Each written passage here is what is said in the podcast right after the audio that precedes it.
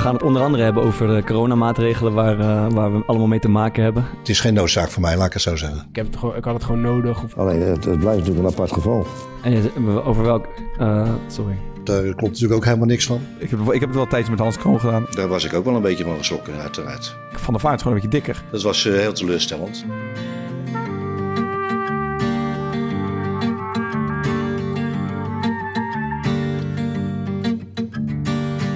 Pijnlijke nederlagen voor Sparta en Excelsior dit weekend. De gevreesde tweede golf is langs zij gekomen. Publiek is niet langer welkom en we hebben Femke Louise het volk horen toespreken. Te midden van deze brokstukken van afgelopen week hebben wij behoefte aan een rasoptimist aan tafel. Die we hebben gevonden in onze grote vriend Ryan Sanusi. Ryan, leuk dat je er bent. Je bent uh, na een paar jaar in, uh, in, uh, bij Sparta in Frankrijk beland. En inmiddels terug op het oude nest bij Beerschot in dus, België. Ja. Hoe is het met je? Heel goed, heel goed. ja, ik ben ook heel blij dat ik hier ben. En dat ik met jullie over een heel interessant onderwerp kan gaan praten. En ook heel leuk om jullie allemaal terug te zien natuurlijk. Ja, ja we gaan, je geeft een voorzetje al, we gaan het... Uh, we gaan het onder andere hebben over de coronamaatregelen waar, uh, waar we allemaal mee te maken hebben. Ja. En uh, jij bent een van de meest uitgesproken en, en, laat ik zeggen maatschappelijk betrokken voetballers die ik kon vinden. Ja, of die wij konden vinden. En dus daar gaan we het later over hebben. Maar ik vroeg me eerst af, ben jij een, ben jij een, een, een andere of een betere speler geworden in het buitenland? Of merk je iets van verschil daarin? Ja, ik ben sowieso een betere speler geworden in mijn tijd. Ja, ik, natuurlijk in Nederland is voor mij al buitenland. Maar ik ben op mijn 18 naar Nederland gegaan. Sowieso het grootste verschil is sowieso de mentaliteitsverschil tussen Nederland en België. Dat was voor mij in het begin heel erg winnen. Maar ik denk dat uh, ja, sinds dat ik naar Nederland ben gekomen, ik wel veel stappen heb gemaakt. Maar ik denk dat ik meer bedoeld over Frankrijk dan. Ja. ja. Ja, sowieso. Want het verschil tussen Frankrijk en Nederland was in het begin wel heel groot. Want League 2 in Frankrijk is heel erg fysiek. Dat is een heel... Uh, volwassen competitie waar je eigenlijk geen jonge, bijna geen jonge spelers ziet of die heel moeilijk doorbreken. Ik denk bij mijn team was de jongste speler 23. Moet je je voorstellen, in Nederland zijn, ja, je hebt altijd wel jongens van 17, 18 jaar die ja. het eerste zitten. Helemaal op het tweede niveau. Ja, inderdaad. En bij ons was dat 23 was de jongste. Dus uh, ja, je komt gewoon heel volwassen spel tegen, heel fysiek, heel, veel, uh, heel weinig fouten, heel weinig uh, naïviteit in het spel.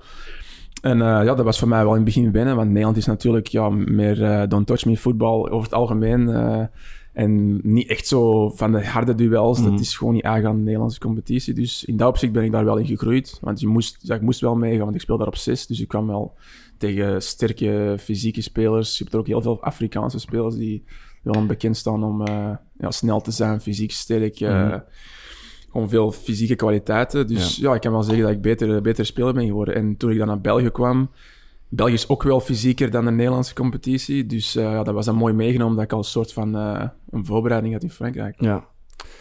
Maar je had het net over mentaliteitsverschil tussen Nederland en uh, België. Wat is dat dan precies? Ja, dat denk ik dat je dat wel weet. In België zijn gewoon iets gereserveerder. In Nederland zijn iets meer uitgesproken. Dat is een beetje het... Maar heb jij geen last van? Nee, ik niet, maar ik... je had er wel moeite mee, dat kan ik me nog wel herinneren. Maar in Sparta, in Sparta ook? Ja, ik weet nog wel één keertje... Eh, ik weet niet meer precies waar hadden... Ik had, ik had denk ik iets tegen jou gezegd tijdens de wedstrijd. Wij trainen al dag daarna s morgens bij uh, Hans Kroon. Ja. En... Uh, was blijven hangen. Ja, toen, toen, deed ik gewoon, ik deed gewoon weer super relaxed tegen jou en jij deed super af, afstandelijk. ja, maar wat de fuck is hier aan de hand? Ja, maar dus dat, is, dat is ook een beetje eigen aan mij. Dat doe ik nog steeds wel of zo. Dat is, maar Thomas heeft dat effect ook wel op meer mensen hoor. Ja. zie, je, zie je vandaag de training weer tekeer gaan, denk ik. Ja, ja. ja kan wel heel irritant zijn, ja, dat klopt wel. Um, ik, we, vorige week hebben we het gehad over, uh, over interviews. Um, dat ging over de, over de saaiheid en voorspelbaarheid van voetbalinterviews. En ik wil heel veel terugkomen op mijn column van, uh, van Frank Heijnen. Uh, goede columnist trouwens. En die, Frank heeft geluisterd. Ja, wel, het is vermoeden dat hij de podcast heeft geluisterd. Hij, hij sprak zijn, uh, zijn waardering uit over het interview van uh, onder andere Awassar, waar we het over hadden. En ook van Mo Rahi, mijn, mijn teamgenoot. en ik wil toch heel veel luisteren naar een stukje uit het interview van, van Mo. Kan je eens duiden waarom dit voor jou een heel interessante transfer is? Ja, kijk, ik ben gewoon eerlijk. Mensen gaan niet naar Saudi-Arabië om de olieindustrie te kijken of om een stap te maken naar de Champions League daarna. Uh, Saudi-Arabië is uh, gewoon eerlijk voor uh, elke speler, alleen financieel aantrekkelijk. En ja, daar doet elke speler het voor. En degene die zegt die, dat hij het daar niet voor doet, eh, die ligt. Dus, eh, Je bent een van de eerste die daar zo eerlijk voor uitkomt. Dat, Ja. dat zie je. ja, Saudi-Arabië staat niet echt bekend om, eh, om een stap hoger te maken of, eh, of iets anders. Eh, het is daar gewoon eh, puur om het geld. En eh, ja, om je toekomst veilig te stellen, eh, stellen financieel.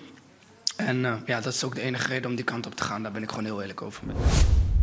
De- dit, dit is toch, als we ons gesprek van vorige week even terug... Dit is toch eigenlijk wat je... Tenminste, in mijn geval, dit is vind ik eerlijk en En authentiek. het is ook het is onverwachts. Maar het is, Ja. het is toch bizar? Want normaal gesproken wordt over zulke soort transfers en, en jongens die dan naar Saudi-Arabië wordt er gezegd, ja, die gaan hun zakken vullen en altijd een beetje een negatieve tendens. Ja. Maar, maar na zo'n eerlijk interview, Ja. waarin je precies eh, gewoon... eh, Ik had ook even op Twitter gekeken en ik zag alleen maar positieve reacties. Ja, toch? Dat is bizar. Dan is het in één keer... eh, Maar ik moet wel dus zeggen, Maar dat, is vind- va- maar dat is wel vaker. Als je gewoon, gewoon eerlijk bent, dan Ja. mensen het dan wel kunnen waarderen. Dat je gewoon eerlijk vooruit komt Ja. en niet probeert weg te stoppen. Maar dan, kwam ik vandaag op de club, of gisteren was het, en toen zei eh, iemand tegen me... eh, ja, dat is toch dom van hem? Hij, eh, in Arabië luisteren ze dit interview toch ook? ja, en ik dacht, man, ja, dat- dit is toch die- jammer. En dit, eh, dit, is, denk ik, dit is precies jammer, toch? Dat daarmee laat je het, eh, daarmee ja, voed je eigenlijk dat je weer, dat, hij, dat je het liever hebt dat hij in algemene termen Ja. spreekt. En ik ga voor het sportieve succes en zo. Ja, maar ze gaan dit natuurlijk in Saudi-Arabië niet luisteren. Nou ja, wel dus.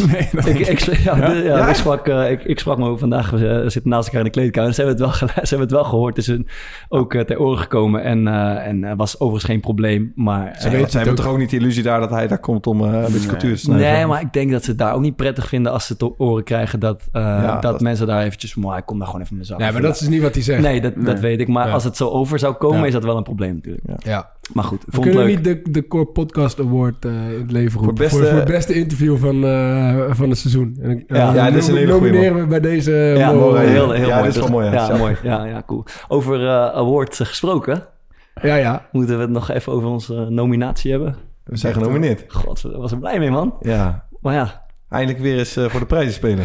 Überhaupt, überhaupt spelen.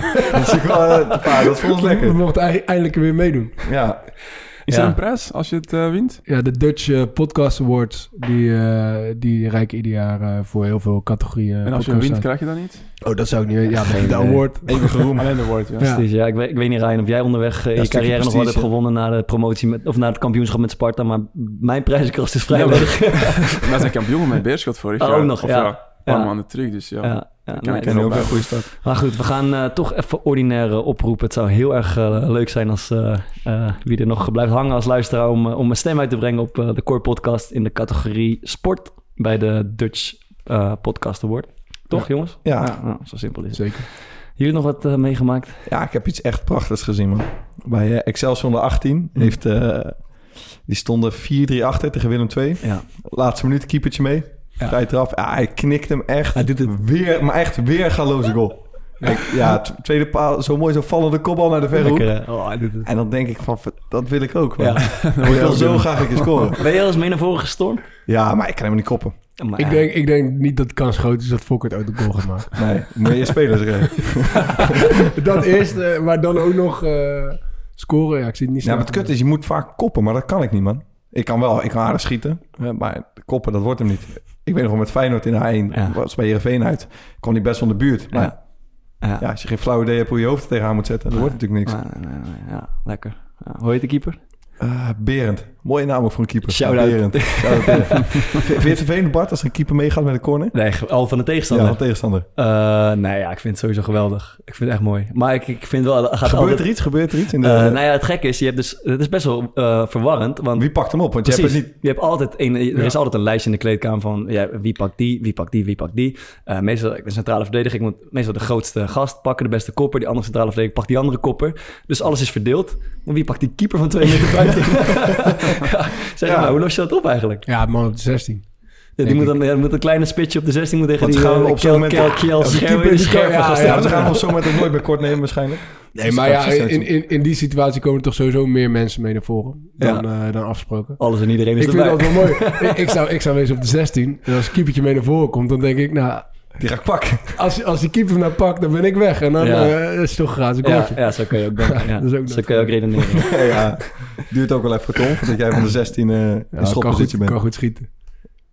Zonder keeper moet ik het wel redden. Goed. Zullen we, eh, Thomas, ga je er nog tussenin of zullen we naar de corona Nee, ik hou, ik hou hem mond. Wijselijk je mond. Ehm, goed. Eh, gisteren was weer een eh, persconferentie eh, waarin de maatregelen voor corona zijn aangescherpt. Ryan, hoe, laat ik het breed vragen, hoe kijk je naar de persconferentie van Rutte en, en naar de nieuwe maatregelen? Ja, je moet wel even zeggen dat ik in België woon. Dus ik- Ja. het is niet dat de maatregelen in Nederland zozeer op van toepassing zijn op Ja. mij. Maar mijn verdiening is sowieso van Nederland, dus hij volgt het wel een beetje. Dus eh, ja, ik vind het vooral wel sneu dat nu eh, de wedstrijden in Eredivisie, of denk ik ook Eerste Divisie, zonder supporters zullen gespeeld worden. Ja. Ja, alles. Amateurvoetbal ook. Alles gewoon. Ja. Ja. dus dat, is, ja, dat vind ik wel eh, voor jullie dan jammer. Ja. Voor ons, bij ons vooralsnog blijven er supporters aanwezig. Dus eh, In beperkte aantallen, toch? ja, een beperkt aantal, maar dat is toch wel een groot verschil met zonder supporters spelen. Al zitten er 3.000, 4.000 in het stadion. Ja. Dat is toch eh, ja, dat is echt een wereld van verschil. Ja. ja, ja. Wel bizar dat het altijd als eerste, dat, dat dat gewoon direct genoemd wordt. Terwijl, Ja. ja, de competitie is pas twee weken bezig of zo. Dus als je, ziet- als je ziet dat die stijging, die kan daar bijna eigenlijk... Nee, ik geloof ook, zoveel er is niets te herleiden tot, eh, tot Nee. die voetbalstadions. Dus dat, ja, dat is En wel... net zoals dat Feyenoord zo wordt aangepakt. Ik bedoel, als je naar keukenkam- keukenkampioen divisiewedstrijden keek afgelopen weken. Wij zijn eh, vier, vijf weken geleden begonnen. Toen zaten ze daar ook gewoon bij Cambuur en bij NAC. Ja. Werd, werd, bij NEC werd gewoon gezongen. En eh, daar, daar zei toen niemand, niemand wat van. En Nee, nu... eh, Maar je kan toch niet verwachten dat mensen naar het stadion komen om dan in de mond te houden. Dat, Ja. dat Nee. gaat er ook niet. Dat is juist heel de bedoeling van naar het stadion komen. Om je alles een beetje, ja. hoe zeg je het, gewoon los te gaan. Mhm. En eh, je, je team Volgens, aan te volgens moedigen. onze premier moesten ze gewoon hun bek houden. Ja, dat heb ik ook gezien. Dat vond ik wel mooi. En dan heb ik een bord gezien van eh, hou zelf je bek of zoiets. ja, dat heb ik eens gezien. Dat is wel mooi. Dan. Daar, daar stond je wel achter, dat bord. ik heb meteen like gedrukt. Ja. ja. Goed, maar, jou, maar eh, toch even naar jouw eh, beeld op. Want ik eh, volg je op eh, Twitter uiteraard en ik ken je best wel goed. We praten hier af en Volg je toe mij op. Twitter? Uiteraard, natuurlijk. Oh. Je hebt nog niet zo lang Twitter, toch? Nee, ik heb door corona eigenlijk Twitter aangemaakt. Want ik was sowieso, dat weet je wel, ik heb nooit, nooit wat een social media. Ik heb nooit Facebook, eh, Instagram en zo. Maar op een gegeven moment eh, zat ik dus zoals iedereen in lockdown. En ik had zoiets van, eh, ik moet op de een of andere manier mijn, mijn kwijt. Hè? En eh, ja, Twitter is het ideale medium, medium ervoor. Omdat Er je... zitten meerdere mensen die een... eh ei Ja, kwijt ja, willen. ja, precies. Maar er, worden, er worden nog wat eitjes geboet op Twitter. Man, man, man, man. En eh, Ja. dat, dat, dat ei wat jij eh, wat je kwijt wil, wat, eh, wat omhelst dat dan? Ja. Ja. Zo algemeen. Ik zal misschien eerst beginnen hoe dat ik de, het begin van de coronapandemie ben beleefd. Dus ik zal zeggen, in het begin, 17 maart, was bij ons de lockdown ingegaan. En toen eh, was ik ook gewoon helemaal mee met, het- met het verhaal. En ik was ook gewoon, ik kan wel zeggen dat ik ook wel gewoon een soort van bang was van het virus. En dan je zag zo zulke grellige of gruwelijke beelden van Italië en van, eh, van China. Dus in eerste instantie was ik wel echt van, oké, wow, we hebben echt wel iets met heel, heel ergs te maken. En dat, daar, daarmee zeg ik niet dat corona niet erg is of zo, maar op een gegeven moment, je zit een maand thuis, je, je kan, ik kon niet naar Nederland, ik kon niet naar de familie van mijn vriendin, je- alle winkels waren dicht, eh, we konden niet meer voetballen, we zaten net één week voor de beslissende finale Ja. voor het eh, kampioenschap. Dus, en ik ben sowieso iemand die heel erg veel dingen leest, heel veel boeken leest, heel veel met de actualiteit bezig is. Dus ik begon op een gegeven moment nadenken van, oké, laat me nu eens gaan kijken van, is, is het medicijn, of, of is de medicijn niet erger dan de, dan de kwaal, zeg maar. Ja. En op een gegeven moment begon ik te denken van, oké, dit virus, ik, ik, ik ontken sowieso niet dat er een virus is. Mhm. Maar het is nu wel na zes maanden wel duidelijk van dat het virus een bepaalde be- deel van de bevolkingsgroep harder treft Ja. dan anderen. Maar toch wordt iedereen, eh, hoe zeg je dat? Iedereen wordt onder dezelfde kam geschoren. Dus iedereen moet dezelfde maatregelen ondervinden. En ja, op een gegeven moment begon ik zoiets te hebben van, oké, ik vind het niet helemaal, ik vind het buitenproportioneel, ik vind het disproportioneel, die Ja. maatregelen. En ja, en sindsdien ja, is, dat mijn, eh, is dat een beetje mijn insteek, dat ik vind dat, oké, er is corona, oké, je moet maatregelen treffen, maar ga ook eens kijken naar alle negatieve gevolgen die van het, Ja. van, van het beleid, eh, Mhm. ja, door het beleid komen. En ja, dat is een beetje hoe dat ik erin sta. Ja. En op een gegeven moment eh, zie ik je tweeten bijvoorbeeld... eh, burgerlijke ongehoorzaamheid is Ja. wat we nodig hebben. Ja. Wat bedoel je daarmee? Ja, omdat ik vind van... Kijk, deze... Ik weet niet precies dat in Nederland is geweest, maar Mhm. in België was, was het heel duidelijk dat de overheid zich heel erg begon te mengen met de privésfeer van haar burgers. En ik vind... Oké, dat, dat kan. Een overheid heeft daar tot op een zekere hoogte het recht toe, maar dan Mhm. vind ik wel dat dat gerechtvaardigd moet worden. Ja. En het is niet zo dat de, de, de overheid zegt, jullie moeten dit en dit en dit doen, want wij zeggen dat dit en dit en dit er is. Mhm. en, en wij moeten dat dan maar zomaar accepteren en je kan daar dan... Je hebt dan helemaal geen manier om je stem te laten horen dat je daar niet mee eens bent. En die tweet, daar bedoelde ik mee van... Oké, ga nu eens ook gewoon kijken van, klopt alles wel? En het, het is oké om kritisch te zijn. Want Ja. in Nederland hoorde ik tijdens de lockdown veel kritisch geluid. Maar in België, mijn land, was er zo goed als geen kritisch geluid. Ja. In, Bel- in Nederland heb je Café Weltschmees. Je hebt heel veel mensen die hun- via hun podcast, via hun YouTube-kanalen gewoon kritisch zijn op het beleid. En in België was dat helemaal niet. Ja. Terwijl het in België veel strenger was dan in Nederland. Ja. En ja, ik vind gewoon dat je moet durven op te staan als jij vindt dat, dat, dat, dat het, het beleid gewoon te, te extreem wordt. Ja. ja. Maar is het niet ook een beetje zo dat... eh, ja, ik- kan niet echt voor België oordelen, maar vooral voor Nederland... dat eigenlijk in principe degene die de regels bepaalden... ook niet goed wisten eh, wat ze nou aan het doen waren. En, en dat misschien ook wel ergens hebben uitgesproken van... ja, het is, eh, dat virus is best wel een raadsel. En, Daar zijn ze eh, best wel duidelijk over. Ja, en ook in de tijd gaat, gaat, gaan we daar steeds meer gegevens over krijgen. Dus dan weten we veel beter hoe we het kunnen aanpakken. Mm. En, en, Maar ja, dat weten we nu ondertussen wel. Ja, maar het wordt hebben nu wel een maar veel nu, beter maar nu, beeld van maar nu zijn de, zijn de maatregelen dus ook anders dan, eh, dan die waren op 17 maart. Klopt, maar het, het verhaal wordt nog steeds in stand gehouden dat, er, dat we te maken hebben met een killervirus. En dat is na zes maanden wel duidelijk dat het niet zo is. Ja, ik, Het maar, is, het, het, het maar, het treft is, maar het is natuurlijk wel zo dat, dat, dat het moeilijk te verkopen is aan eh, nou ja, bijvoorbeeld aan, aan ziekenhuizen of aan zorgpersoneel. Dat op het moment dat zij aan de, bij de voordeur moeten zeggen van ja, die gaan we wel helpen en die gaan we niet helpen. Gewoon puur omdat, eh, om, om, omdat de ziekenhuizen vol zitten. Mm. Dat je dan gewoon met z'n allen eh, doorgaat en, en risico loopt dat, er nog meer besmettingen bij komen. Of nog meer mensen op de intensive care. Want ik moet zeggen, ik heb de laatste eh, zeg maar berichten uit Nederland en van de overheid niet opgevat als dat we echt met een zwaar killervirus nog te maken hebben. Maar precies wat Thomas zegt, dat je moet bepaalde maatregelen nemen omdat gewoon het zorgsysteem het niet aan kan. En dat je in Nederland, en ik denk overal helemaal in het Westen, eh, zijn die zorgsystemen gewoon zo ehm, ingedeeld dat als ook bijvoorbeeld oude mensen ziek worden, ja, je helpt iedereen. En we hebben gewoon niet genoeg plek voor iedereen. Ja, maar Dus, dat- dus burgerlijke onge- ongehoorzaamheid is, eh, denk ja, in mijn ogen niet helemaal voor juist woord. Nee, ik denk dat maar- kritiek, kritiek op beleid is Ja. heel goed, want Ja. dat vormt namelijk ook, dat zorgt ook voor dat je met z'n allen... En dat er ook Nou, andere maatregelen zijn nu. Precies, ja. Dus ja, de- ja. Ja, daar heb ik, daar heb ik, daar, daar heb ik een andere mening over. Nee, maar dat is ook... Dat is, ja, ook- dat is prima. Dat is goed, maar ik, ik vind... Ik vind je, je, je wordt echt opgesloten. En, en veel, tijdens de lockdown werden veel van... Want die tweet is van april of zo. Ja. Oh, die, die tweet is van april of zo. Dus dat Ja. was in volle lockdown. Mhm. je, je- veel van je grondrechten werden geschonden. Je mocht, je mocht, niet, meer, je mocht, niet, meer naar je je mocht niet meer naar je familie. Dat mocht niet. Ik mocht bijvoorbeeld niet meer naar mijn moeder die 15 kilometer verderop woonde. Ik kon niet naar, ik kon niet naar mijn schoonfamilie.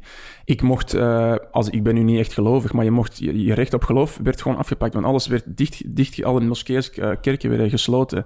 Je mocht je eigen familie niet zien. Nou, ik zeg het al, alle winkels, je werd gewoon ge- gelimiteerd in, in hele basale rechten. En dan is het toch normaal dat je dan, of helemaal niet gek, als je daar dan iets, als je daar dan kritisch over bent. Ja. Of gewoon zegt van, ik accepteer het niet. Want ja, voor mij was het vrij duidelijk dat ik of, of de jonger, jongere mensen niet echt veel risico, ne- risico liepen.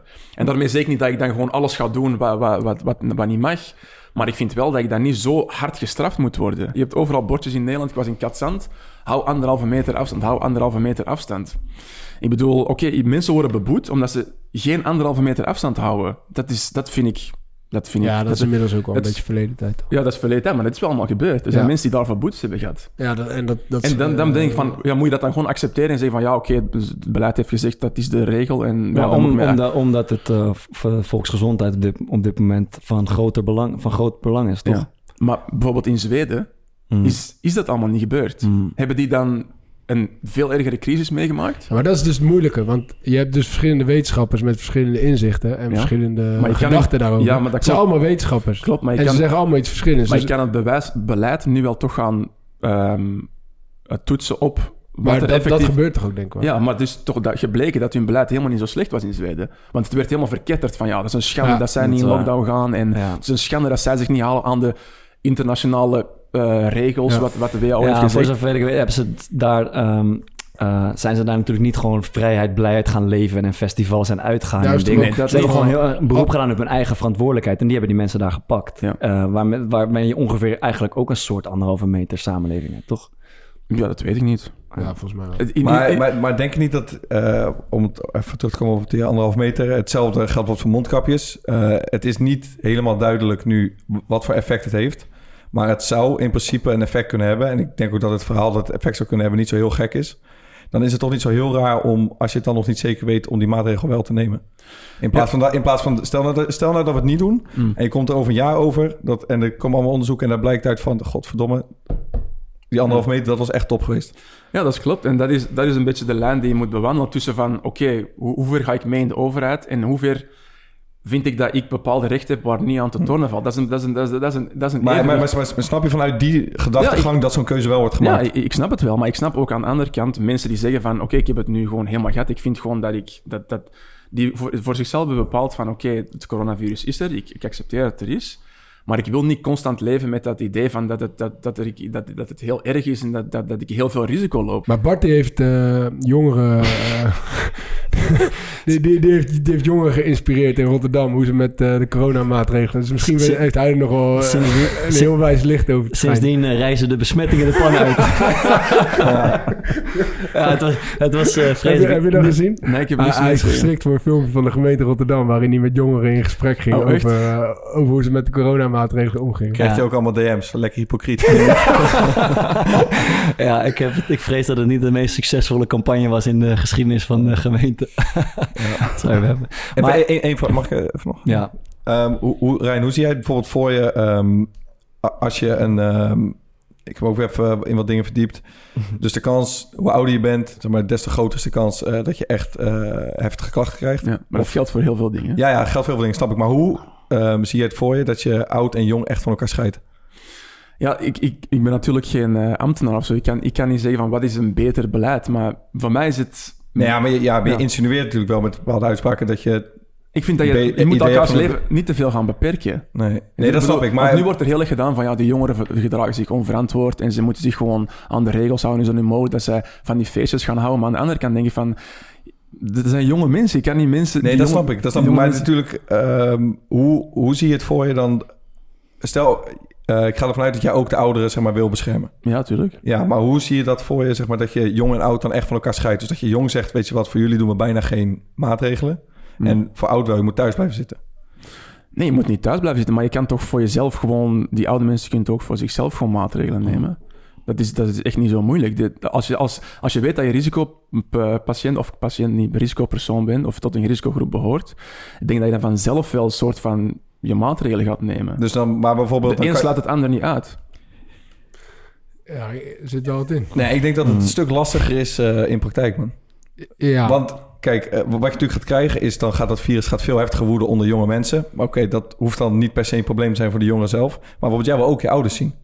Ja, maar dat, maar dat, dat, is, dat is wel een heel belangrijk punt. Het is, nu wordt er heel erg gedaan van de besmettingen lopen op. Maar ik weet niet of dat jullie dat gevolgd hebben, maar die test die gedaan wordt, die PCR-test, die is heel onbetrouwbaar. Maar er hoe- zijn heel veel wetenschappers, ook een, ik, heb, ik heb de link hier, een ja, de artikel in de betrouwbaarheid tijd. is niet onderzocht. De, ja, die, is, die is gewoon bewezen niet betrouwbaar. Je moet een bloedonderzoek erbij doen om te gaan zien of dat je daadwerkelijk besmettelijk bent. Dus ja, een maar dat is positief- het ding. Of, of een je positief- besmettelijk bent. Ja, maar een positieve test staat niet gelijk aan een besmetting. Nee. Maar een positieve test zorgt er nu voor dat je wel de gevolgen gaat dragen van een besmetting. Want als, Ja, ik maar- nu, als, als jij nu of ik positief, wij zijn voetballers, als wij positief testen, jij kan geen symptomen hebben, maar ze kunnen jouw jou, jouw broodwinning gewoon afpakken. Ze kunnen gewoon zeggen, sorry, maar jij mag niet voetballen. Jij mag niet voetballen. Tot, Ja, maar- tot, tot zij zeggen, je hebt de, de test is negatief.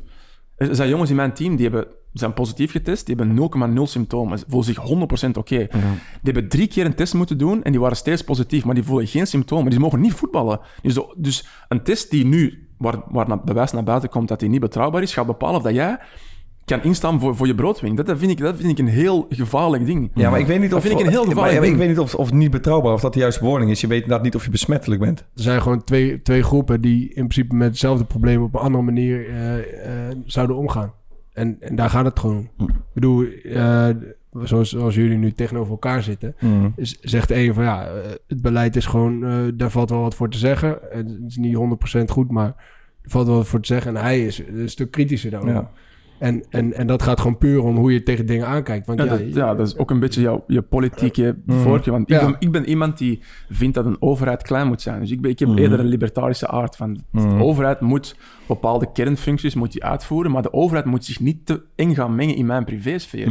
Dus dat, het gevolg daarvan is dat als er zo'n beperkende maatregel gaat komen, dan gaat dat sowieso tegen mijn inborst eh, stoten. Maar- Sowieso. Ik, eh, ik, ik denk eh, dat je nog iets genuanceerder bent dan, dan hoe ik je ken. Want ik ken je als soort van... een Hardliner. flink- nou ja, ja, ja, maar je bent nog je bent flink kritisch en misschien zelfs wantrouwend tegenover gezag. Ja, en, en ook tegen mainstream media, zou ik willen zeggen.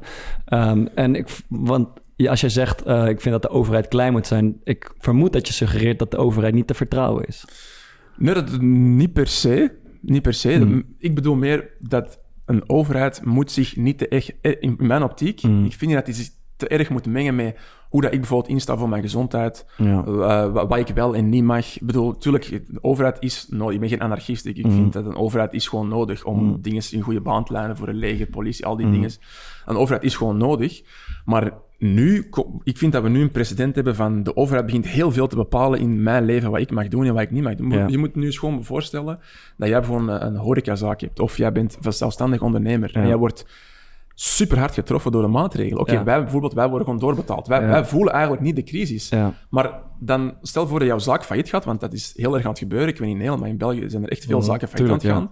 Ga je dan gewoon zeggen van ja, ja het is corona, ja, ik kan er niks aan doen, eh, vo- volgende keer beter.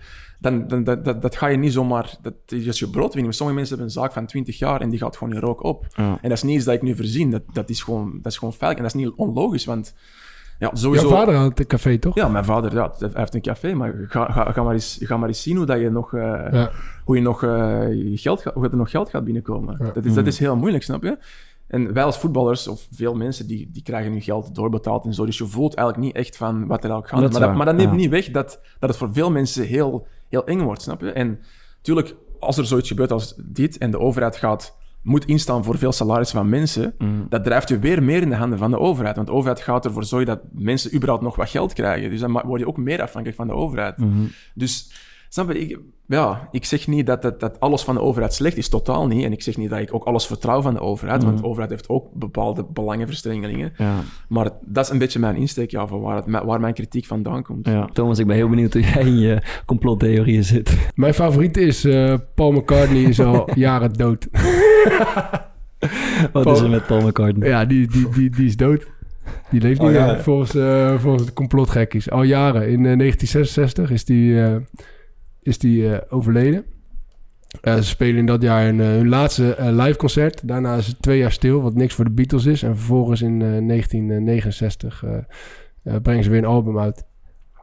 Met een nieuwe Paul McCartney. William Shears heet hij. en ze hebben, ze, ze hebben een Paul McCartney lookalike gevonden die ook een beetje kan zingen. En dat is nu tegenwoordig, eh, gaat dus William Shears eh, door het leven als Paul McCartney. En we tuinen er allemaal in. Ja, ja. En, en de Beatles zelf hebben ook een aantal hints gegeven op hun eh platenhoezen. Eh, ze hebben bijvoorbeeld die bekende platenhoes van eh, Abbey Road. Ik weet niet of jullie die kennen. Ja, als je de foto's zien waarschijnlijk wel. Ken Ja. Ja, natuurlijk. Eh, dat ze over dat zebrapad Ja. lopen in Liverpool. Ja. Ja, daar heb je dus John Lennon in het wit. Die wordt afgebeeld als de priester. Eh hoe heet die? Eh, Ringo Starr in het, eh, in het zwart wordt afgebeeld als de begrafenisondernemer. Hmm. Paul McCartney op blote voeten is het lijk. en er loopt er nog iemand in een van de spijkerkloffie. Dat is de grafdelver. Dat is... dus ja, dat, ze geven een aantal in. Ze hebben nog... een- eh, dus dat is mijn favoriet. Ik denk dat we een, een reuzensprong moeten maken naar het volgende onderwerp. Ja. Ik, ik, kon geen mooie brug, ik kan geen mooi bruggetje vinden, maar Maarten, misschien kun jij een poging doen. Nou, ja, op zich. Als je het over 9-11 hebt, dan eh, is de stap naar voeding natuurlijk heel klein. Ja, ja, ja. Ik had trouwens wel verwacht dat, dat, dat, dat, dat in, dit, in dit verhaal van mij... dat, dat Fokker klaar zou zitten met een buzzer. Ah, shit. Hij wist dat hij ging komen, maar eh, Nee, ja, niet, weet je, niet goed genoeg Ik voorbereid. ben gewoon een normale gozer. Dus ik, ik ben niet, eh, Gemiste kans. ik ben niet zo'n bloedzuiger, zoals jullie genoemd werden. Ja. Voeding, jongens, eh, iets heel anders. Wat, eh, wat eet een voetballer, waarom en, eh, en hoe werkt het allemaal? En ik zou graag willen beginnen met een, eh, een kort interview van eh, onze gemeenschappelijke vriend eh, Denzel Dumfries, die eh, uitgesproken is over de voeding van de voetballer. Nog één dingetje over iets anders. Johan Derksen die zei vrijdag eh, dat, onder- bij Mark van Bommel dat er eh, groepjes waren, dat er eh, kapsalon besteld werd en dat er pizza's besteld werden. Wat is daarvan waar? Zie mijn gezicht? Ja. Denk je het zelf? Wat denk je zelf? Ja, daarom vraag ik het aan jou. Nou, dat eh, slaat gewoon... Jij zegt dat het nergens op slaat. Nou, dan kan ik je nu zeggen, dat slaat helemaal nergens op. Dat is gewoon klinkklaar ons en er zijn nooit uh, zwaar. Wat, wat, wat is er besteld? Kapsalons en pizza's. Wanneer? Dat zei hij dan onder Mark van Bommel, dat hij de ruimte liet daarvoor. Nee, we zijn een professionele club. Hè. Eh, het ziet er natuurlijk allemaal niet goed uit, maar wij bestellen geen eh, pizza en zwaar, maar de, dat soort dingen. Lust je wel een kapsalon? Ja, ik lust hem wel, maar alleen in de vakanties. Dit is zo. Alleen in de vakantie. Zo genoten. Ja, ja, ja, je moet zijn hoofd erbij zien. Maar ja, ik weet, ik weet niet hoe het bij jullie zit. Maar bij Wanneer ons- heb jij voor het laatste kapsalon op, eh, Bart? dat, dat is lang geleden, maar die pizza's die zijn niet aan te slepen naar de wedstrijd. Worden gewoon, bij ons worden natuurlijk pizza's besteld en eh, op de... We hebben af en toe. Nou, Ja? dat- Bij VVV hadden we Domino's als sponsor. Dat was top. Ja, ja wij ook. Geloof ik. Dat, was, dus- dat is toch, ik weet niet hoe het bij jullie is, Rijn, maar wij, bij, na de wedstrijd eten wij pizza. Eh, uit en thuis. Dus uit in de bus komen er pizza's of sandwiches. Of je kan het zelf bestellen, maar je kan pizza Ja, bestellen. weet je ook waarom? Ik heb geen idee. Jij? Omdat, eh, om, omdat je zo snel mogelijk koolhydraten binnen moet krijgen, Ja. volgens mij. Ja. En eh, de ervaring leerde dat voetballers eh, niet, niet graag droge pasta maaltijden of broodjes wilden eten. Ja. Daarom hebben ze, zijn ze uiteindelijk voor de worst best gegaan, zeg maar. En dat Ja. is dan pizza. Ja. En ja. dan proberen ze nog een soort van, tenminste dat doen dan sommige clubs. Ik, eh, als ik hoor dat Domino's eh, sponsor is, dan geloof ik daar niet in. Maar eh, zo min mogelijk kaas erop te doen, zodat het niet, Ja. zodat het niet zo vet is. Maar dat je wel eh, die, die, de- ja, dat deeg blijkt Klinkt wel dus, plausibel. wel, Hoe, Nee, we hoe- hadden echt gewoon met die, eh, die toetjes en zo, alles kon je erbij bestellen. Die, die kaneelbroodjes. ja? Ja, hadden Die kaasbroodjes. Nee, nee, je had van die kaneelbrood. Ja, die ja, ik weet met dat ja. vanillesausje. Ja, was super. Lekker, ijsje toe. Ja, soms. hoe, hoe, is het, eh, hoe is het eten bij jullie, over het algemeen? Ja, het is nu best wel, eh, best wel goed geregeld, vind ik bij Excelsior. Ehm, ik vond het vorig jaar, mwah, was het eh, warm eten niet zo goed. Ja. Maar we hebben wel iedere dag gezamenlijk ontbijt en gezamenlijke lunch. Ja. Ehm, voor uitwedstrijden eten we in principe ook bijna altijd samen. En voor thuiswedstrijden kan je het aangeven. Als je, Mm. bijvoorbeeld, ik eet liever thuis zelf. Dat hebben de meeste jongens ook. En ja, bij het ontbijt is het eigenlijk altijd eh, iets van eh, een soort ei. Of meerdere soorten ei. Eh dus brood, kwark, een soort fruit, gewoon broodbeleg. Maar ja, het ligt ook wel op gewoon chocoladepasta. Dingetjes. En je eet geen vlees meer natuurlijk. Dus daar wordt sinds kort ook rekening mee Ja, ja, ik ben de enige vege... Ja, ik ben eigenlijk plexitariër of plexotariër. Flexitariër. Nee, nee, dat- ik eet alleen vis. Pescatariër. Pescatariër. Pescatariër. ik zeg gewoon pesco. Ja, nou, Hij, hij is een soort fl- flex, Flex- ik ben wel flex, dat wel. De eerste, de eerste, niet alleen de enige voetballer, het enige mens dat plexitariër is. Heeft zijn momentje weer, dat is top. Mooi. Ja, bij, een tijdje bij, eh, ik geloof dat bij Ajax was het eh Suleimani. Die woonde, eh heet die Suleimani? Ja, die Ja, woonde ja. samen met, het, soort, met een andere teamgenoot van hem. En die werden soort met z'n tweeën in een appartementje gezet. En die zag je week in week uit een beetje aankomen. Dat, die blijkbaar, dat ze blijkbaar niet voor zichzelf konden koken. En alleen maar, alleen maar junkfood aten en zo. Is, dat- is, dat, is dat iets wat, eh, wat vaker voorkomt? Eh, Eten voetballers over het algemeen een tikje ongezond? Ja, dat is wel waarom ze bij Excelsior zijn begonnen met, eh, met ontbijt, toch? Tenminste, dat is wat ik Oh, had ja? begrepen. Ja, jongens aten of niet of rotzooi volgens mij. Ja. Ja. Ik denk wel echt vaak jongens die geen vriendin hebben, Ja. dat die vaker slecht eten dan jongens die een vrouw of een vriendin hebben, die eten vaker wel gewoon beter. Ja, Dat merk ik altijd wel in mijn team. Ja, wat meer regelmaat in je leven. Ja, klopt. Voor, ehm, wat mij altijd opvalt is bij voetbalclubs, ehm, eh, wordt in ieder geval bij mij is dat altijd geweest, vlak voor de vakantie wordt je vetpercentage gemeten. En de dag dat je terugkomt, wordt die nog een keer gemeten. Waarin, ze, proberen, waarin ze dus controleren hoe je, hoe je in je vakantie bent opgegaan met, omgaan met voeding. Dus dat, dat herkennen jullie ook, toch? Ja. Ja. Hebben jullie ook altijd van die spelers gehad die dan net iets te zwaar terugkomen? ja, en dan- je hebt- Eh, je hebt twee of drie die altijd problemen hebben. ja, toch? En die, eh, bij ons had het gevolg dat die moeten dan... eh, bij mijn vorige club moesten ze zelfs met een soort van vuilniszakken eh, gaan trainen. Om, Ja, en dan moesten ze een, een uur voor de training fietsen en een uur na de training ja, fietsen. dat gebeurt nog steeds hoor. Een uur voor de training dan extra, extra arbeid doen... en een uur na de training ook nog om, om, om, maar die, om dat vetpercentage maar onder de 11 te krijgen of zo. Dat, Ja. dat, Ja. dat bestaat nog steeds, toch? Ja, ik, ik heb dus in korte tijd eh, op een gegeven moment drie clubs gehad. Dus Sparta, aan het einde van Sparta, Ajax Cape Town en Excelsior binnen een half jaar, zeg maar. Ja. En dan word je op, op drie verschillende clubs word je gemeten. En daar komen ook drie keer echt compleet verschillend getal uit. Ja. dat is echt zo. Ze doen ook wel wat. Dus de, Ja. de betrouwbaarheid van die meet, daar moet je eens een keer wat aan doen. Ja, dat is Elke keer uit voor een podcast, dan kom ik daar eens op. burgerlijke ongehoorzaamheid. Die, die vetmetingen. Maar heb- hebben jullie wel eens dat je, of standaard dat je terugkomt van vakantie, dat het ook echt omhoog geschoten is? Mm, Nee, niet echt. Ik moet zeggen, na de corona, ik, heb daar, ik heb er niet echt aanleg voor. Maar na de corona-periode, wat best een lange tijd duurde, zat ik wel op een hoger punt dan, eh, dan wat ik, waar ik normaal zit. Iedereen wel. Maar dat is ook wel normaal, omdat je zo... Ja. Je hebt nooit Ja. normaal dat je zo lang niet eh, normaal kan trainen. Ik vroeg hem Maar ik heb, veel minder, ja. ik heb veel minder trek, man, in de vakantie altijd. Heb je dat niet? Eh, Dat je gewoon minder traint? Ja, je minder minder traint. Ja. ja. Ja. Sowieso minder trek in Want ik eet eten. vaak in de, in de vakantie veel slechter. Ja. Maar ik kom, nooit, ik kom eigenlijk nooit aan, man. Ik, eh, ik zat hem vanmiddag met jou, Maarten, af te vragen... hoe komt het eigenlijk dat wij niet gigantische sixpack hebben met z'n allen? Ik vreet veel te veel. ja, ik bedoel, we hebben allemaal ik rijk. Ik heb je lang niet eh, onder onder de douche gezien, maar we hebben allemaal gewoon een sportief lijf. Maar niet echt een gigantische six, niet een gigantische sixpack of zo. Ja. Terwijl we dachten, ja, We trainen genoeg. tien keer in de week trainen en zo. Hoe komt het dan? Ik denk te weinig eh, specifiek daarvoor. Ja, denk ik ook. Is het, eigenlijk, Ja. is het een Dat belangrijk? krijg je om niet dat zomaar zo- echt zo'n keiharde sixpack. Nee, nee, nee. Is het, maar is het belangrijk om dat te hebben? Word je, Nou, beter, word je een betere voetballer als je hebt? Ja, ik weet niet. Ja, ik weet Ja, niet. dat is Maar ik fucking zie, goede vraag. Als ik soms... Ja, dat is een goede Soms vraag. zie ik echt slungels waarvan ik denk wel een lichaam. Maar ja, dat zie je nu wel wat minder. Maar af en toe zie je wel mensen gewoon van ja... Die zijn gewoon, zijn gewoon dunne gasten. Ja. Bijvoorbeeld eh, eh, Loris, eh, dat is gewoon best wel... Ja. Loris Bonjo. Ja, Waar je ruzie mee had met die penalty. Was ja dat nee, en die nu bij Ryan in het team speelt. Ja. Eh, dat, dat dacht ik altijd van, nou, dat is niet... eh, en die ging op een gegeven moment ook serieus trainen bij Hans. Nou, dat, dat zag je niet heel, heel duidelijk. Ja. Maar ja, zo, hij ging niet... was gewoon wel wereldvoetballer. Ja, Dus ja. uiteindelijk gaat het ook om, in zijn geval, vooral hoe je beweegt met de bal. ja, Ja, en, specifiek per, Ja. per speler. Ja, dat is echt voor iedereen En anders. Ja, ik die, denk eh, ja, dat het ook helemaal niet functioneel is voor hem om, eh, om, Nee. om, om heel hard te gaan trainen. Omdat hij zo... Ja, je gaat gewoon anders bewegen, denk ik. Ja, op het moment. ik heb bij sommige spelers bijvoorbeeld bij... eh, ik zit aan eh, Carlos Tevez te denken of... eh eh, Higuain. Ja, precies, Higuain. Die hebben, maar nee, maar die hebben, som, die hebben juist een beetje baat bij hun, eh, Ja, bij hun nodig, ja. stevigheid, zeg maar. Dus ja, ik weet niet. Maar, Maar dan, ehm, dan zie je bijvoorbeeld Cristiano Ronaldo. ja, En zie je zijn lichaam. Dat is gewoon... Ja, dat is ongeëvenaard. Dat is ongelooflijk. ja, het is bizar. En maar de, Op die leeftijd nog zo fit zijn. en Gewoon... Ja, ja, alles klopt daar ook gewoon ja. aan. En Tadic heeft dat ook een beetje. Als ik dat te Oh, zien. Ik- wat een ik, lichaam, zie, ik zie niet veel gasten in, in, eh, bij ons in de kleedkamer die, er- die er op die manier uitzien. Hoor. Ik weet niet hoe het bij jullie zit. nou ja, dat is ook kwaliteit dat je daar zo fucking goed voor kan zorgen. Ja. Ja. En eh, zijn er, eh, die, zijn er diëtisten rondom, eh, rondom zo'n voetbalteam? Hoe zit, hoe zit dat bij jullie? Ik heb, ik heb het wel een tijdje met Hans Kroon gedaan, een aantal jaar Ja. geleden. Ja. Ja. toen werd ik echt kurkdroog. Ja. Ja. Ging het heel snel. Maar ja, ik geloof niet zo heel erg in dat je dingen dan voor een hele groep of zo gaat bepalen. Wij deden dat toen ook met Hans. Toen we daar net gingen trainen. Toen Ja. moest, iedereen, eh, moest iedereen daar langs. Weet je dat niet meer? En dan Ja, moest ja. je vertellen, moest je alles even bij Maar we hebben ook nog zo'n eh, ander ding gehad. Ik weet niet of jij daar nog bij was. Met, eh, volgens mij met, met voedingsstudenten of zo. ja. En eh, die gingen dan ook eh, je DNA afnemen.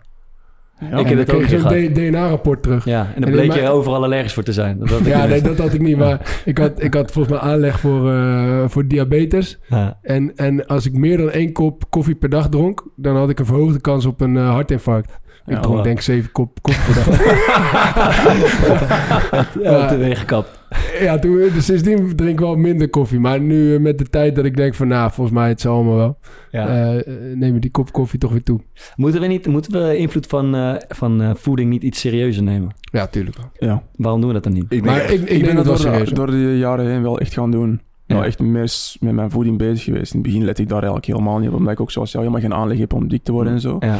Maar sinds dat ik dan begonnen ben met geen vlees te eten en zo, ik merkte echt een heel groot verschil in herstel en ook gewoon tijdens de wedstrijd, Ja. en loopvermogen en zo, dat ik, dat ik toen wel iets zoiets kreeg van oké, voeding kan echt wel eh, invloed hebben op je prestaties. Ja. Jij ging full vegan ook. Niet Ja, ik ging toen echt, ja, ik ging toen echt vol vegan, ja. En daar, daar ben je inmiddels een beetje van teruggekomen?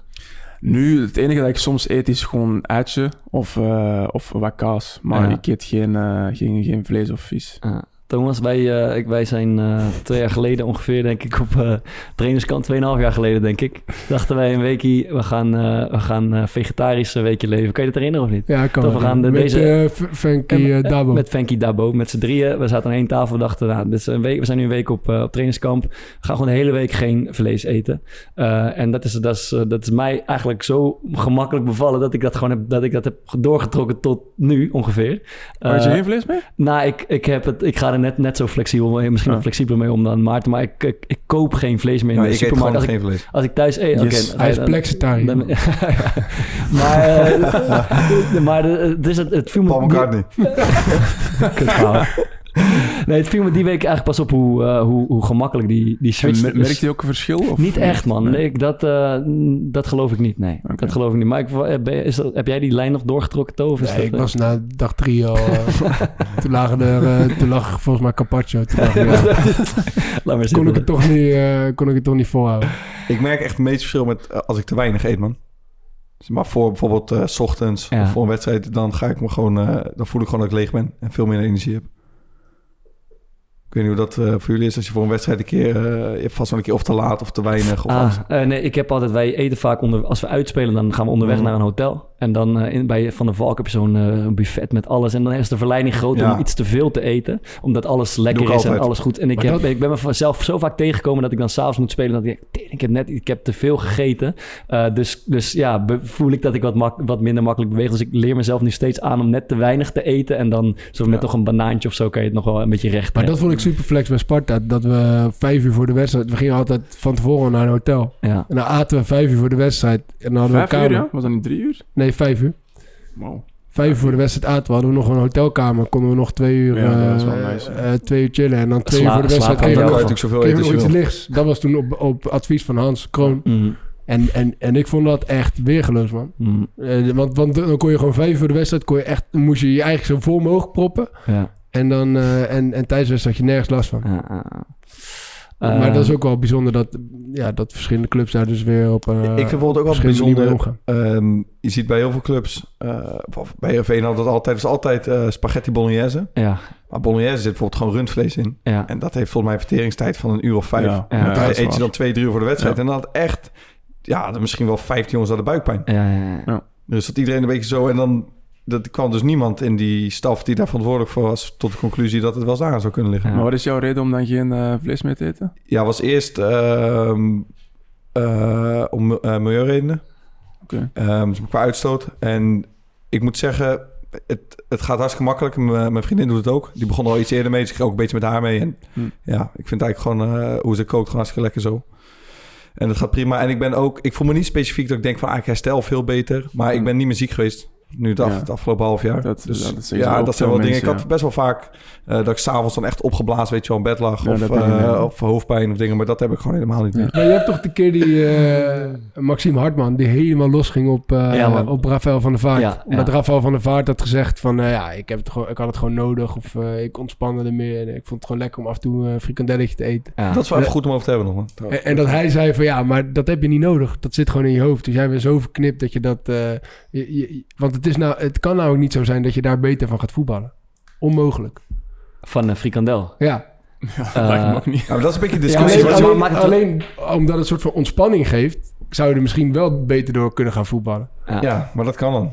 Want dat is natuurlijk de discussie Maar ja, die je vaak hoort van... eh, dat zeggen sommige gasten, ja, weet je, je, gaat, ik, sorry, ik- maar je gaat er ook niet slechter door voetballen. Ja, ik denk het wel. Nou ja, als je, als, als je- als je af en toe een frikandel eet. Hangt ook vanaf wanneer je het eet, hè? ja, het ligt gewoon Ja, aan hoe, je, hoe je lichaamssamenstelling is, toch? Als je af en toe Maar een frikandel maar als je gewoon een beetje dikker... Van de vaart is gewoon een beetje dikker. Ja. Maar, maar je gaat er ook niet beter van spelen. Van een frikandel. Dan ga je toch sowieso niet voor de wedstrijd spelen. Dan eet je na de wedstrijd Nee, maar dat, dat zei hij. daar ook. Hij zei gewoon, gewoon een keer één keer in de week op zondag. Gewoon net zoals alle gezinnen. Ja. Gewoon Ja. zondag patatdag. En dan nam die frikandel. Daar, daar ga je toch niet per se slechter van Nee, daar zie ik ook Nee. niet zo veel problemen. Nee, Maar het is wel een mooie discussie. Want, want Maxime Hartman zei dus... Ja, jouw, jouw, lich, of jouw hoofd denkt dat je lichaam het soort van nodig heeft... om dat één keer per week te doen. Ja, ja, ja. ja, ja. Dus dan kan je nooit... Je kan zeg maar niet verkopen dat je, de- dat je het nodig hebt om, om het beter... Want dat is wel wat Van de Vaart zei. Van, ja, Ja. Ik ging eigenlijk beter door voetballen... omdat ik gewoon wat, wat meer... eh, Maar je hebt ook een beetje soort twee kampen in. Ook bijvoorbeeld type Theo Jansen, die dan zoiets had van... weet je wat, ik moet af en toe gewoon even zuipen... en ik moet gewoon Ja. een beetje vreten wat ik wil... want dan zit ik lekker in mijn vel, voetbal ik beter. En je Ja. hebt aan de andere kant bijvoorbeeld Arjen Robben, Cristiano Ronaldo... Ja, droog, die denken... die wegen iedere gram havermout bij spreken nog af. ja, ja, ja. En die presteren op die manier het beste. Ja. Maar ik denk niet dat daar eh, eh, overal te zeggen van... dit is perfect en dat andere is helemaal kut. Gaan jullie wel eens je boekje te buiten Qua? eten? Oeh, ja, Ja. toch wel. Dagen na de wedstrijd kan ik wel eens gewoon Dat is, eh, zo. dat is jouw moment om... eh, ja, ik heb dat eigenlijk ook een dag na de wedstrijd vaak. Ja. Ja. Dan heb je daar het meeste zin in, toch? Ja. Ja, het zit een beetje in toch gewoon in het weekend lekker even een keer wat bestellen. Of, dat is toch goed? Goed. Zullen we afsluiten met een paar aanraders van de week? Ja. Eh, Ryan, kom op.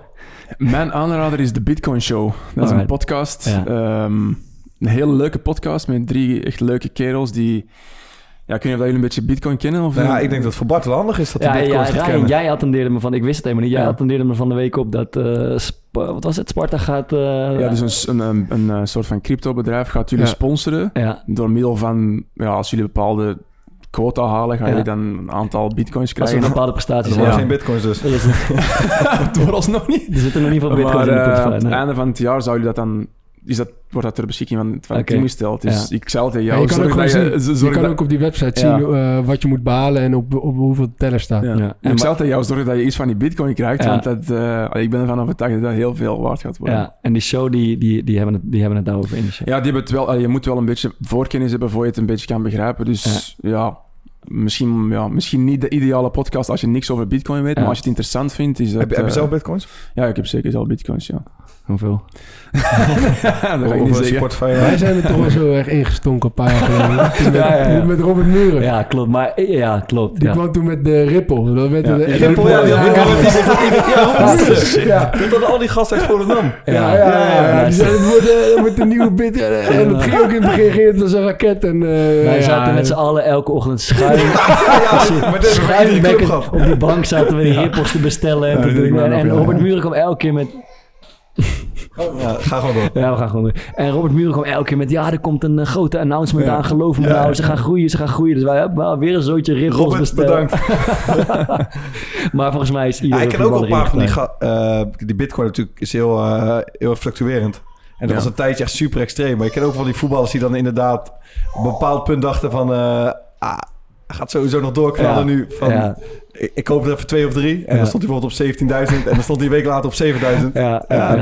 ja, wij ko- ja, ik heb ook helemaal geen verstand. Wij kochten allemaal op zo'n punt dat iedereen, eh, dat, dat, dat, dat iedereen dat deed. En dat Ja. klapte Ja, natuurlijk maar in toen was het, ik En denk ook dat, kijk naar jou Rijn, dat was het moment dat iedereen het als een investering ging zien. En dan gaat het een beetje doel voorbij, toch? Ja, dat was een soort van eh hype. Iedereen Het wou, iedereen, iedereen bitcoins, toch? dus daardoor werd die prijs ook elke keer steeds meer waard, maar steeds meer mensen bitcoin wouden. En Ja. toen klapte omdat mensen dan hun winst willen pakken en toen is dat een beetje ingestort. Maar als je Ja. kijkt naar, allee, jullie kennen er nu zo heel veel van, maar als je er een beetje in gaat verdiepen, dan ga je zien dat bitcoin Ik ga wel luisteren. heel veel intrinsieke waarde heeft Mhm. en dat dat hier is om niet meer weg te gaan. Het heeft nu een dermate grote marktkapitalisatie ge- ge- gekregen dat dat, dat wordt niet meer uit de markt geconcurreerd. Alright, eh, ik eh, sluit me even aan. Als we, we hadden het net over eh, een maatschappelijke discussie. En als je houdt van maatschappelijke issues en je wil daar een beetje in verdiepen, dan luister ik graag naar de Jortcast. En Ja, Rijn, jij volgens mij ook. Ja. Dat is een podcast van Jort Kelder, die iedere keer een, een professor, dokter, hoogleraar uitnodigt. In ieder geval iemand met recht van spreken. Ja. En en die, die, die, die hebben dan een korte, snelle discussie of een gesprek van 20, 25 minuten over een bepaald thema. En je, je leert er een hoop van. Het is op een hele informatieve en snelle manier. Yes. Dus uh, Die pak ik altijd drie keer in de week of zo wel. En dat is ook goed kritisch. Ja, ja, ja, zeker. Goed. Ik heb een eh, cartograaf deze week. Cartograaf. Dus, eh, Carlijn Kingmeitz. hè. Aha. Ze heeft eh, in samenwerking met, is die Rutger Brechtman, ik noem hem één keertje nog, hij is lang weg geweest. Ehm, heeft zij een, ehm, eh, ze is geen traditionele cartograaf, dus ze maakt geen landkaarten. Ja. Maar zij maakt kaarten aan de hand van eh, geschiedenisverhalen. Ja. En ehm, ze heeft nu laatst een kaart uitgebracht in samenwerking met de correspondent... waarin een soort van hele westerse geschiedenis in een kaart eh, verwerkt is. Ja. En je kan dat eh, op haar website, carlijnkingma.com. Komt op Twitter. Ja. Vooral kan je het zien en het staat ook op de website van de correspondent. En dat zijn echt, ja, het is een soort grote puzzel waar je dan, eh, hoe langer je kijkt, je ziet steeds meer dingen en er zit echt een, een verhaal in. Ah, Ja, ik ben er, ik ben er weg van. Ja, voilà. interessant. Thomas. Ik heb een Netflix-serie. Ja, we. de, de Playbook. Ja, over, die- eh, dat is mijn trainer vandaag ook tegen over coaches. Ja. En eh, ik heb nog niet alles gekeken, maar... eh, Is met Tom eh, Bradley ook? Nee. Tom Bradley. ja. Nee, eh, eh, Doc, Doc Rivers is de eerste aflevering. En die heeft het op een gegeven moment over eh, Ubuntu. Dat is een eh, Zuid-Afrikaanse levensfilosofie. Oh, ja. En hoe die op basis Ah, van ja. die levensfilosofie een bepaalde cultuur binnen zijn team heeft gecreëerd. Eh, Wat betekent het ook weer precies, die filosofie? ik, eh, ja, het, gaat over, het gaat vooral over positiviteit en Ja. elkaar eh, aanmoedigen en elkaar bekrachtigen in plaats van kijken naar, naar dingen die een ander beter kan en, en hopen dat de ander de mist in gaat. Dus Ja. eigenlijk is het volgens mij de grondslag is als een ander het goed doet, dan moet ik het minimaal net zo goed doen of beter doen. Dus worden we allemaal sterker. Kom bij Nelson Mandela Ja. vandaan, toch? Ja, Nelson Mandela en Desmond eh, Tutu. En er zijn een paar gasten in Utrecht, eh, waarbij Ja. ik me ook heb aangesloten, die het in Nederlands voetbal, eh, in. Nederlands amateurvoetbal een beetje Mhm. proberen te, te krijgen ook. Maar ik, ik heb er echt van genoten. Leuk. Eh Ryan, waar ik me enorm op verheug. We sluiten altijd af met een liedje. En eh, we hebben ook een één kleine gemene deler. Dat is eh elektronische muziek. techno, Ja, ja. en jij bent wel van de, van de, van de hard kind, stevige techno. Ja. Eh, ik ben eh, iets softer, maar ik, ik kan niet wachten Ik, om ik, kan, ik kan me nog herinneren dat we... Hoe, eh, hoe heet het festival ook alweer? eh Toffler. eh, nee, nee, in, eh, in Digital. Amsterdam. Ja, Digital. Ja. Digital, ja. Digital, eh, Digital di- Festival. Ja. En Dat vertel was gewoon maar als ik, als ik met Joep eh, uitga, Ja. Dan, eh, ja, dan, dan laat ik hem los in het bos. Dan gaat hij rennen. Ja. En op een gegeven moment komt hij weer terug, even gedag zeggen en dan is hij weer weg. En dit was gewoon precies Ryan. Ryan eh, Ja. en die, Ja. die stond te Maar je springen moet er wel over- even bij vertellen dat uiteindelijk jij mij verlaten hebt op dat festival. Want jij zei van, ik heb het gat en ik ga weg. En ik stond daar met jouw maat. eh. Klinkt als Thomas Zwaar. Ja, dat was wel mooi. Maar een nummertje. Ryan, we hebben een paar keer ook eh, goed te staan reven. Waar gaan we mee afsluiten deze week? Ehm, het nummer heet Terra Ja, van Mario Ochoa. lekker man. Gaan we doen. Terra, Yes. Dankjewel dat je er was, man. thanks, leuk dat je er was. En eh, luisteraars, eh, tot volgende week. Hoi hoi.